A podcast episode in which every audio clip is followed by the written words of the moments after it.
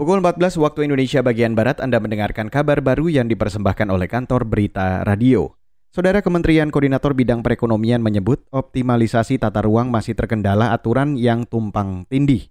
Deputi Bidang Koordinasi Pengembangan Wilayah dan Tata Ruang di Kemenko Perekonomian Wahyu Utomo mengatakan, aturan turunan dari Undang-Undang Cipta Kerja diharapkan mampu mengurai masalah tumpang tindih itu.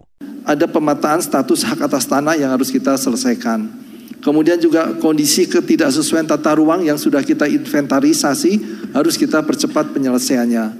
Tadi Pak uh, Wamen menyampaikan ada tiga hal yang disampaikan oleh Bapak Menteri ATR BPN. Salah satunya adalah konflik atau ketidaksesuaian ini menjadi penting.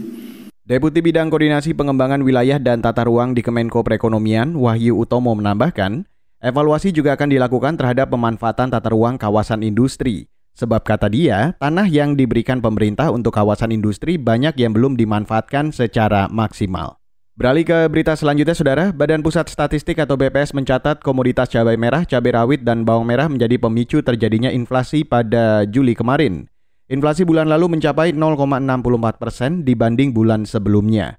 Dikutip dari Antara, Kepala BPS Margo Yuwono mengatakan, Tiga komoditas itu masuk dalam kelompok yang memberi andil besar dari 11 kelompok pengeluaran makanan, minuman, dan tembakau terhadap inflasi bulan lalu.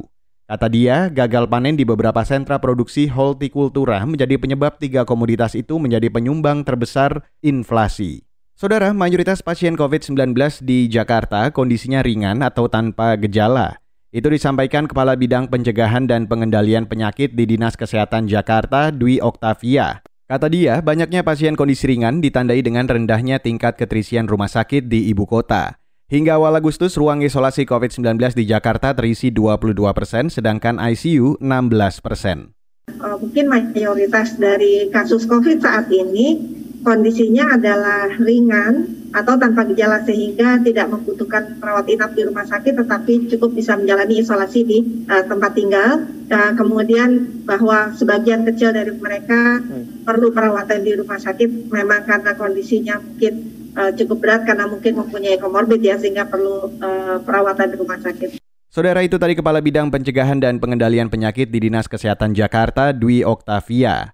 Jakarta merupakan provinsi dengan penambahan kasus harian COVID-19 terbanyak. Kemarin, kasus harian DKI menembus 2 ribuan dari total 4 ribuan kasus secara nasional. Dan saudara, demikian kabar baru saya Reski Mesanto.